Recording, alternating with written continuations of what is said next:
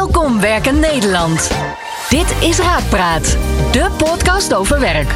Andreas Bouwman van Raakpersoneel stelt een werkexpert rake vragen over solliciteren, salaris, carrière, promotie, collega's, werkplezier en andere werkgerelateerde zaken. Moet je per se diploma's hebben voor een succesvolle loopbaan? Hoe voorkom je een burn-out? Is inclusiviteit een hype? Leg je werk even neer. Het is tijd voor Raakpraat.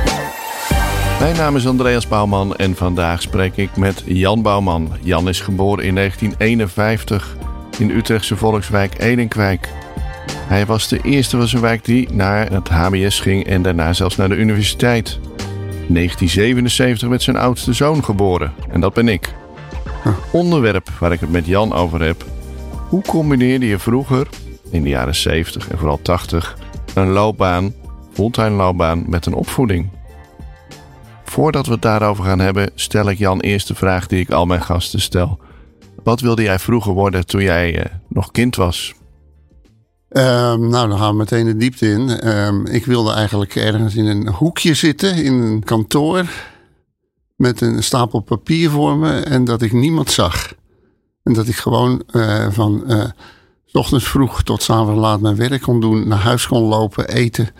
Eh, dat daar een lieve vrouw op mij wachtte. Dat ik kon slapen en de volgende ochtend weer naar het werk. En dat kwam eigenlijk voornamelijk omdat er in die zogenaamde prachtige volkswijk geweldig veel agressie was. En dat ik het, nou ja, je kent mijn verhaal. Dat ik ontzettend veel uh, daar op mijn lazer heb gekregen, enzovoort, enzovoort. Dus ik verlangde heel erg naar rust. En dat ik van die uh, klootzakjes af was. Ja. En gewoon. Uh, maar het was dus eigenlijk ook een soort van fantasiebeeld. Want ja. Ja, je kende dat dan niet uit je omgeving. Want volgens Nee. mij in het huis waar je woonde. had je niet echt voorbeelden van mensen die met hun broodtrommel naar kantoor gingen. Nee. En het is wel zo dat er. Ik woonde naast de Demka. Een fabriek, een die staalfabriek, fabriek, een ja. staalfabriek waar 2400 mensen werkten. Die enorme rookwolken over onze wijk heen eh, stoten. Waardoor de helft van de wijk aan longcirrose overleed langzamerhand. Maar dat was toen geen punt. Want eh, ja, de fabriekdirecteur, dat was de, de, de baas. En daar eh, durfde je niet tegen op te treden. Maar het was dus zo dat om eh, zeven uur gingen de arbeiders met de blauwe overallen naar hun werk. Dat waren er ongeveer eh, 1800. Het was een enorme stroom van werkers. En toen zei mijn oma, waar ik ook mi- min of meer opgevoed ben. Zo moet je nooit worden. Je moet zorgen dat je nooit in die stroom terechtkomt, jochie. Eh, een half uurtje later gingen de kantoorpikkies dan naar hun werk. Ja. Dat waren er ook een paar honderd. Ze zegt, daar moet je tussen zien te komen. Want die lui die hebben geen flikker te doen. Die zitten uit te rusten de hele dag. En die worden niet moe. En die verdienen nog meer ook. Dus eh, zorg dat je een kantoorpikkie wordt. Dus eigenlijk was eh, je oma wel de eerste die het perspectief gaf van. eh, nou ja, in, de in de fabriek werken. Dat is niet de allerbeste optie. Nee, nee dat, dat klopt. En ik denk dus dat dat toch belangrijk is geweest. Dus, dus zo- zo'n kleine opmerking. Eh, ik moet wel zeggen dat ze haar eh, zonen, eh, die ook daar woonden in dat huis, jouw ooms, ja. mijn ooms, dat die er ook alles aan deden om mij niet in de overal te, te hijsen. Want die zeiden ook, jongens, arbeiders, je kunt ze niet vertrouwen, ze maken je af. Zorg dat je daar niet in die meute terechtkomt. Wij gaan jou ook een beetje helpen om gewoon eh, een kantoorpikkie te worden. Ja, want jouw ooms die waren. Arbeider, de een was lasser en de ander was eh, monteur. Ja. Ja, nu kan je er goed geld mee verdienen als monteur, maar dat was toen eh, anders. Met, met lassen ook. Eh, Dus ik, ik ken alle verschillende soorten lassen nog. Autogeen lassen, elektrisch lassen. Ik geloof dat het allemaal niet meer bestaat. Nee. En Eddie lag altijd onder de auto, zoals je weet. Mijn oom, mijn oudste oom lag altijd onder de auto. Maar het waren allebei wel, vond ik. eh, ze konden mij tot op de laatste klas, want vroeger moest je dus eh, examen doen voordat je naar de middelbare school ging. Konden ze, terwijl ze geen opleiding hadden, konden ze het huiswerk wat je moest doen voor de middelbare school, Mhm. eh, daar konden zij mij allebei op de vrijdagavond, want zaterdags ging je dan naar een inhaalklas, konden ze me feilloos mee helpen. Nou, bijzonder. Heel bijzonder. Ja. Heel bijzonder. Dus ik zat met Eddie of met Siem. Zat ik aan die tafel. Nee, dat moet je zo doen, joh. Zo, zus, zo. En dus ik, ik kon daar vrij makkelijk doorheen komen met hun eh, hulp. Ja, dus je werd eigenlijk op een bepaalde manier wel gestimuleerd om wat te gaan doen. Eh, wel, door, door je directe familieleden. Eh, Ja. Zo goed als kwaad zij het konden waarschijnlijk. Ja. Ik denk dat dat dezelfde leeftijd is als nu. Dat je 11, 12 bent voordat je moet gaan kiezen of gekozen wordt wat je mag gaan doen op de middelbare. Ja. Kan je dat nog een beetje voor de geest halen? Ja, dat kan me goed voor de geest halen. Het was een kritisch incident. Want bij ons was het normaal dat je naar de, naar de ambachtschool ging. En eh, mijn moeder, die een heel klein stukje ouder was dan ik, een soort zus van me eigenlijk. Die eh, dacht van nou, hij gaat ook naar de ambachtschool, want dat is het arbeidsperspectief. Je ging werken, kratje bier naast je op je veertigste afgekeurd worden en dan vroeg dood. Toen kwam de, het hoofd van de school, eh, Pik van de Wild noemden ze hem, ken zijn voornaam verder niet.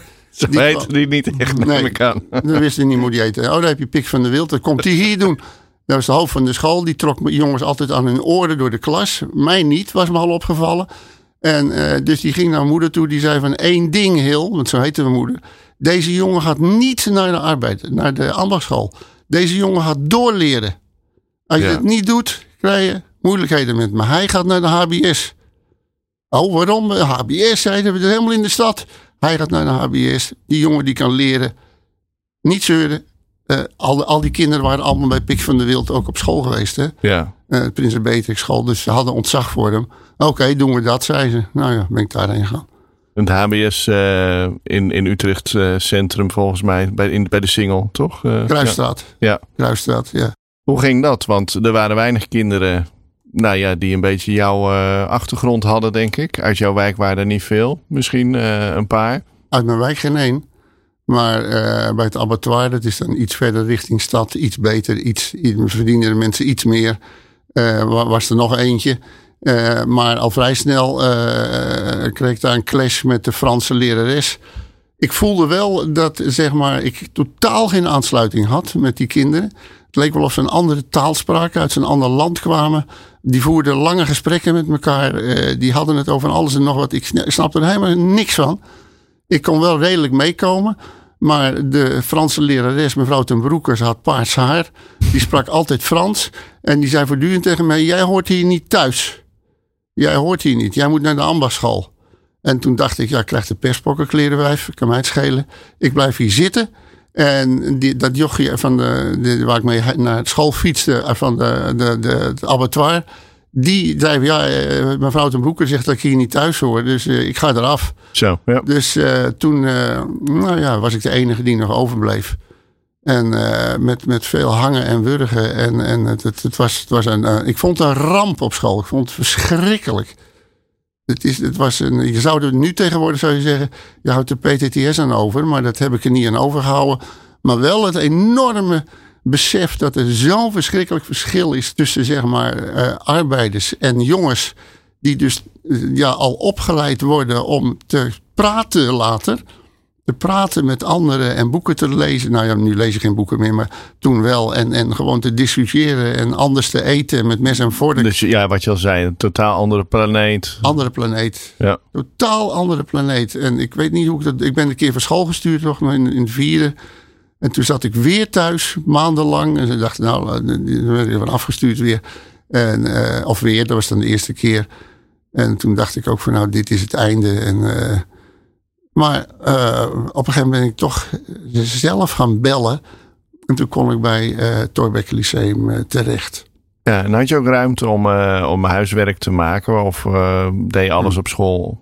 Nee, de, de, de, de, A, ik deed heel weinig. En B, ik deed alles bij de televisie. Dus eh, dat was. Maar ja, ik, ik, ik vond het allemaal niet moeilijk. Dus, eh, Nee. Ik had het idee eigenlijk dat hoe verder je kwam, hoe makkelijker het werd. Hey, en toen op een gegeven moment aan het einde van het HBS, hoewel het hangen en wurgen was, ehm, ja, ze bereiden je daarvoor op het hoger onderwijs. Hè? Ja. Dus eh, Ja. universiteit in, eh, in jouw geval. Ja. Ik kan me zo voorstellen dat je op dat moment helemaal niet wist ja, wat een psycholoog zou doen, wat de studie psychologie Nee. inhoudt. Nee. En toch ben je dat gaan studeren. Ja. kan je nog terughalen hoe je tot die keuze kwam? Nou, vrij makkelijk. Want uh, één jongen die. Ik had een, uh, in de laatste klas. Uh, had ik een vriendinnetje. en die, daar was ik aangekomen via de, een, een, jongen. En die jongen die ging psychologie studeren. Ja. Die kende ik niet. En toen zei ze: Nou, mijn broer gaat psychologie studeren. Misschien ook iets voor jou. Ik zei: Nou, laat ik dat dan maar doen. Dus ik wist niet wat het was. Oh, je, wist, je had nee, geen idee? Had geen idee, nee, echt niet. Echt niet. Het, het klonk goed. Het, ja, psychologie. Denk je, oh, het klonk nou, wel intellectueel. Ja, ja. klonk wel alsof dat uh, later dat je daar geld mee zou verdienen. En, zo. en wat vonden Eddie, de monteur en Sim, de lasser, er thuis van? Um, nou, die moesten redelijk hard lachen, maar die, die, die begreep er geen kloten van. Ja, wat jij wil moet je doen, jongen. Dit, pff, het interesseerde echt een fluit wat ik ging doen. Echt niet. Nee. nee. Hey, en toen kwam je in een nog vreemdere wereld, denk ik. Want uh, ja, HBS, er zaten misschien nog wat uh, jongens waar je enigszins en meiden waar je, nou ja, die enigszins in de buurt uh, woonden. Maar ja, universiteit was natuurlijk nog een, weer een andere wereld. Ja, dat waren allemaal, ja, ja, dat waren allemaal, ja, ja, ja. Nou, ik herinner me één, misschien ook weer zo'n kritisch incident. Want dat met vallen en opstaan kom je dan verder. Uh, ik ging dan vaak biljarten, want dat had ik geleerd in die arbeidersbuurt. Uh, s middags, zaterdagmiddag gingen we biljarten drinken, kaarten, biljarten drinken, kaarten, biljarten drinken. En tot hij maar neerviel. en dan, dus dat kon ik wel. En dan ging ik met een van die jongens, Hardy, ging ik dan vaak naar het poortje. Gingen we biljarten. Maar hij zei, nou kom me maar thuis ophalen. En toen ging ik thuis en toen deed een... Ja, zijn moeder deed open en ik liep hup, meteen door en de kamer in. En toen uh, zegt nou gaan we biljarten, Hardy. Ja, we gaan biljarten. En toen zei hij later, toen we buiten liepen. Hij zegt, jongen, doe dat nou nooit meer wat je nu doet. Ik zeg, wat man? Hij zegt, je loopt zomaar door. Ik zeg, hij zegt, je moet je voorstellen. Je moet je voorstellen, je moet zo... Je, mijn moeder, ik zeg, ik zeg, hij zegt, je mag nooit meer hier komen. Hij zegt, je moet er een hand geven. Je moet zeggen, ik ben Jan. Jezus, man, zegt het dan van tevoren. Hij zegt, ja, hoe weet ik nou dat jij dat niet weet? Dat is toch normaal? Nou, uh, toen zijn we naar die kroeg gegaan. Hij zei, we gaan het nou even oefenen. Hij zegt, jij komt binnen, ik ben mijn moeder en je geeft een hand. Hup, poortje in en die kerel achter de bar. Die, wat gaan jullie doen, jongens? Ja, hij moet even voorstellen leren. Oké, okay, hup, binnen. Hallo, ben Jan. Nou, dat wist ik dus. Maar zo waren er allerlei kleine dingen die je gewoon niet weet. Het is, het is, het is, het is ook weer een een leerschool. Sociale conventies die, uh, ja. Wij, die totaal niet, waar je geen idee van hebt. Mm. Nee, geen idee van. Nee. Een klein stapje naar, uh, nou ja, na je studie ben je gaan werken. Het onderwerp van vandaag is ook een beetje van hoe je opvoeding hebt gecombineerd met een fulltime baan. Want toen ik twee was, uh, toen ben je gescheiden van, van mijn moeder. En dan ben ik voor, ja, vanaf het begin volgens mij vijf dagen bij jou uh, terechtgekomen. Kan ik me uiteraard niet meer herinneren. Maar toen zat jij uh, dus vijf dagen in de week met een kind van twee. Ja. Dat is nu al best ongebruikelijk. Dat een vader alleen is met uh, voor zorg en een fulltime baan moet combineren. Maar ik kan me voorstellen dat het toen nog uitzonderlijker was. Of waar, kende je voorbeelden in je, in je omgeving die dat zo deden? Nee, ik ken daar geen voorbeelden. Het is wel zo dat we het al eerder hadden gedaan op de sociale unit in Den Haag. Want jij bent in Den Haag geboren. Toen ging ik met uh, de kinderwagen waar jij in lag. Mm Dan liep ik over het Westeinde naar de sociale unit. En ik had daar naast de, de vergaderkamer, had ik een klein kamertje waar jij dan insliep. En uh, die meiden die er werkten, ik moet eigenlijk vrouwen zeggen, die vrouwen, die, uh, nou, soms gingen die met jou wandelen in het kinderwagentje tussen de middag of zo. En, uh, ja, en tijdens de vergadering, uh, ik heb daar een foto van, gaf ik dan het flesje. Hè? Ja. Het flesje. En zaten we gewoon te vergaderen. En dat vonden de meeste mensen eigenlijk wel heel erg aardig dat ik dat deed. Dus ik kreeg daar veel positieve, positieve feedback op. Ik dacht, nou, dan moeten we mee doorgaan. Want zoiets, je kreeg er misschien ook wel aandacht van, van het vrouwelijk, geslacht. ja. Ja, die vonden het natuurlijk een vader. Die en zo. Vond het wel schattig, ja. Die vonden het schattig, ja. ja wolf en schaap, en schaap en wolfskleren, weet ik goed. Ja, inderdaad. maar uh, dus in Utrecht, uh, ja, werkte ik natuurlijk bij het, uh, het CRD, consultatiebureau. En um, daar kon ik, nou, ik merkte wel dat waar we eerst wonen, toen woonden we met z'n tweeën, dat was lastiger. Aan de Agnietenstraat, het huisje uit 1600 zoveel daar had ik verder geen opvang. Dus ik ging al vrij snel met een paar mensen in de Bolhofstraat wonen. Oh ja, ja Met dat was een bewuste keuze om een in, bewuste een, in een keuze. woongroep te gaan wonen. Juist, want er woonde ook eh Liedeke alleen met een kind en André en Charlotte met een kind. En dus de opvang, als ik weg moest eh, of werken, dan, dan deed ik dat vaak met hun samen. Vandaar dat jij Bart ook goed kent, waar je mee speelde dan. Ja. Nee, oké, want er was natuurlijk in de jaren tachtig, als ik me goed herinner, je had de crash. Hè? Dat bestond al wel, volgens mij al heel lang. Ja, Maar dat hield op op de vierde. En er was niet zoiets als buitenschoolse opvang of eh, voorschoolse opvang of BSO. Al die dingen bestonden volgens mij in de Nee. jaren tachtig helemaal niet. nee, je had wel het leger des zeils. Kon je s ochtends gebracht worden. Dat heb ik eh, een paar keer gedaan. Ah. Maar, Oh, dat eh, is nieuw. Ja, ja, bij, eh, naast eh, het museum eh, op de Agnietenstraat. Toen, ik daar, toen we daar nog woonden, Ja. moest ik je daarheen brengen als ik af en toe ging werken. Dus dan eh, leverde ik je af aan die eh, kordate vrouwen in eh, eh, lederen eh, lange jassen. Jeetje, wat is dit? En eh, nou, dan ging je daar eh, schuw in een hoekje zitten, want het was inderdaad een wat bedreigende omgeving.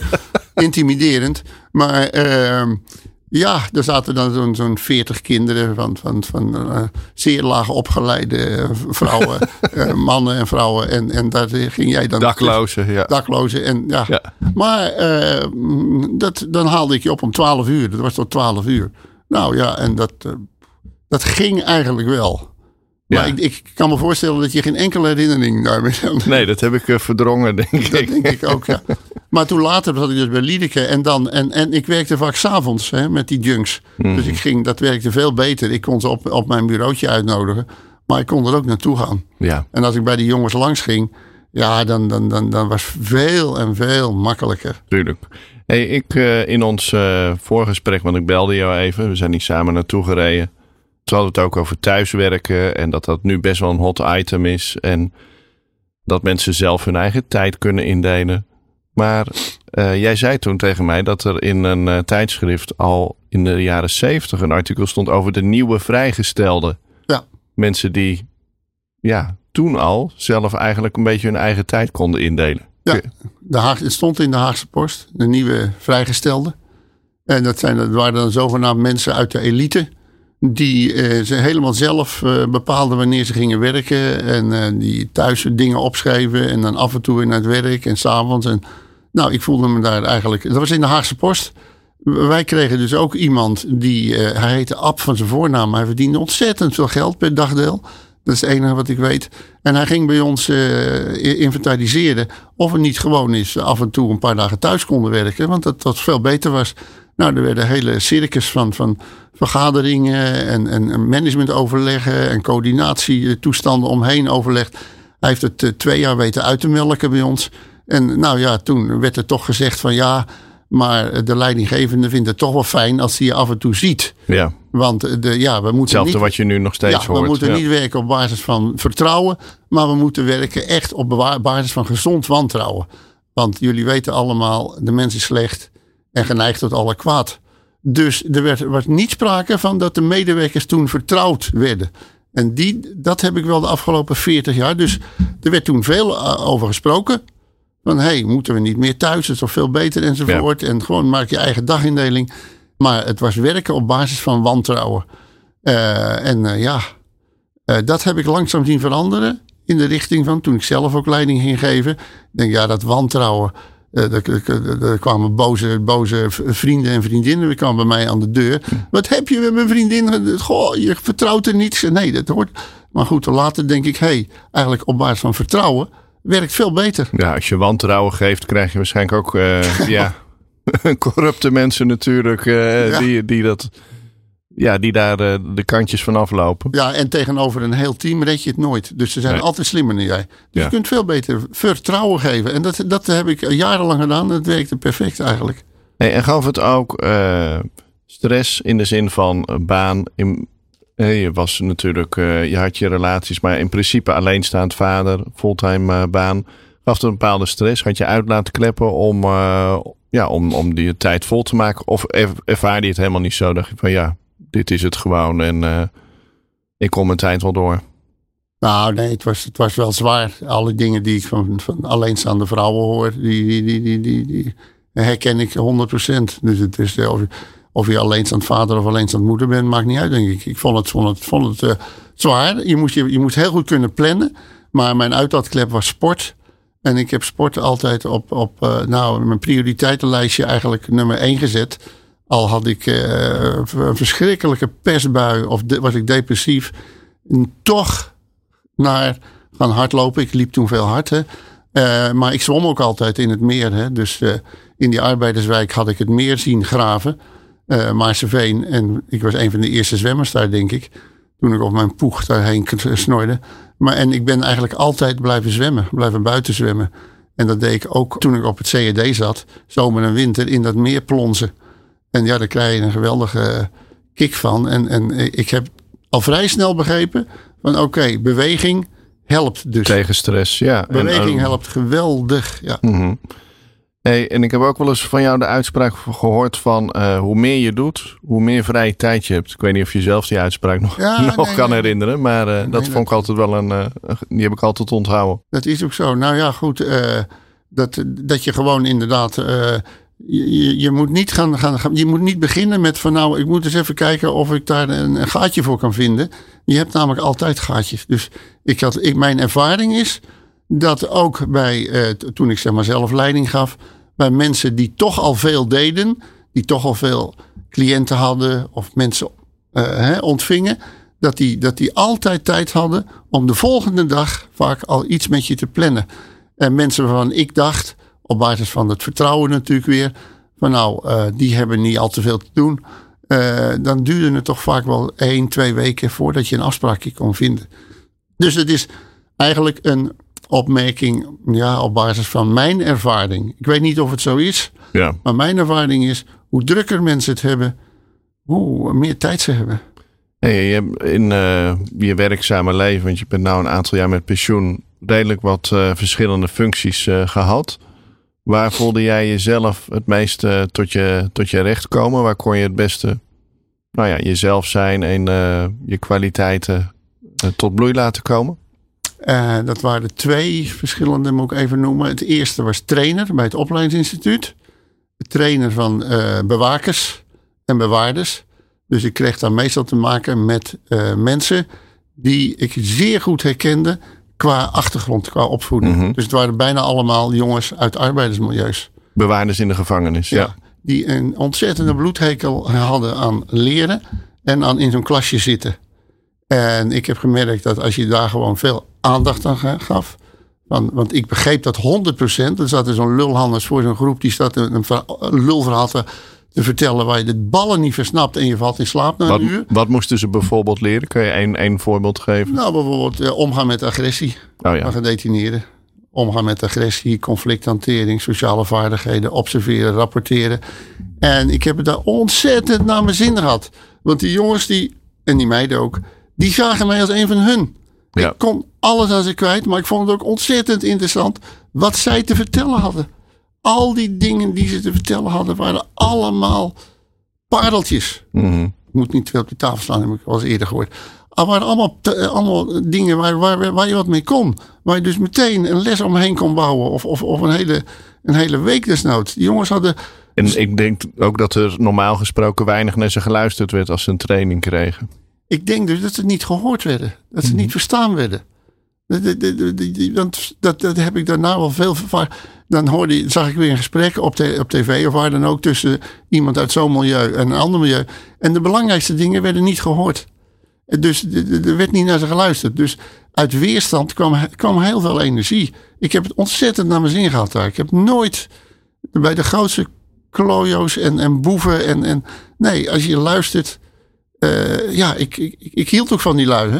Mm -hmm. Dus, uh, en het tweede was, uh, denk ik, inderdaad met slachtoffers. Wat ik later ben gaan doen. Dus, dus nabestaanden van moord. om die te helpen en daar groepen mee te doen. Daar kon ik ook, zeg maar. Die zaten, zaten kwamen dus ook toch wel vaak uit dat milieu. Ja. Um, en het leed, daar kon ik wel goed mee omgaan. En ik denk ook dat je daar veel bereikt hebt in de zin dat toen je daarmee begon was te weinig aandacht voor nabestaanden van een geweldsmisdrijf. En dat is in de loop van de afgelopen twintig jaar heeft dat toch wel behoorlijk veranderd. Hè? Er is spreekrecht ja. en uh, ja, slachtoffers worden zeker meer gehoord dan, uh, dan 20 jaar terug, denk ik. Ja, zeker. Zeker. Nee, dat heeft heel veel. Dat, dat, dat ben niet, niet, niet alleen ik hoor, maar ik denk dat.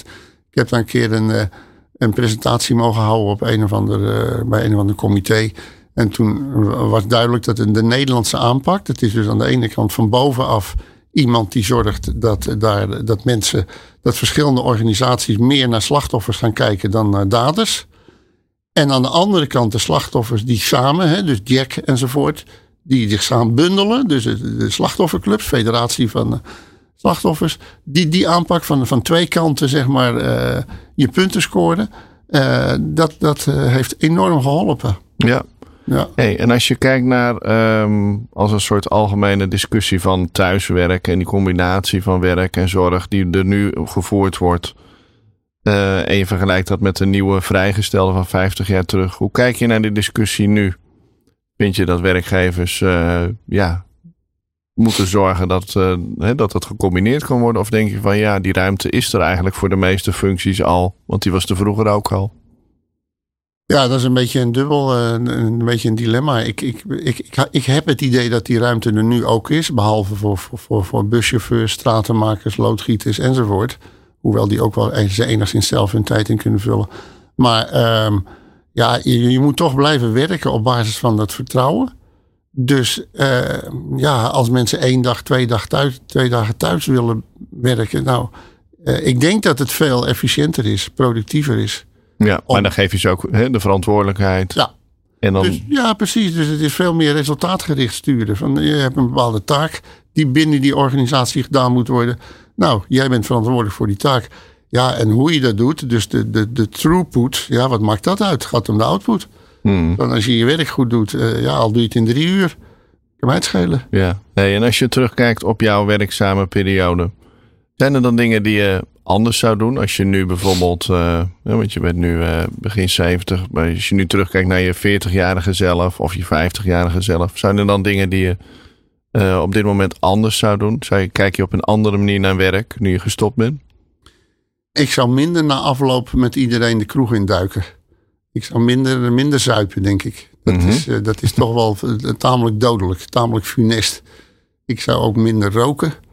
Uh, ik zou minder langs de straat zwalken. Dus ik denk toch dat ik het wat meer netter aan zou pakken.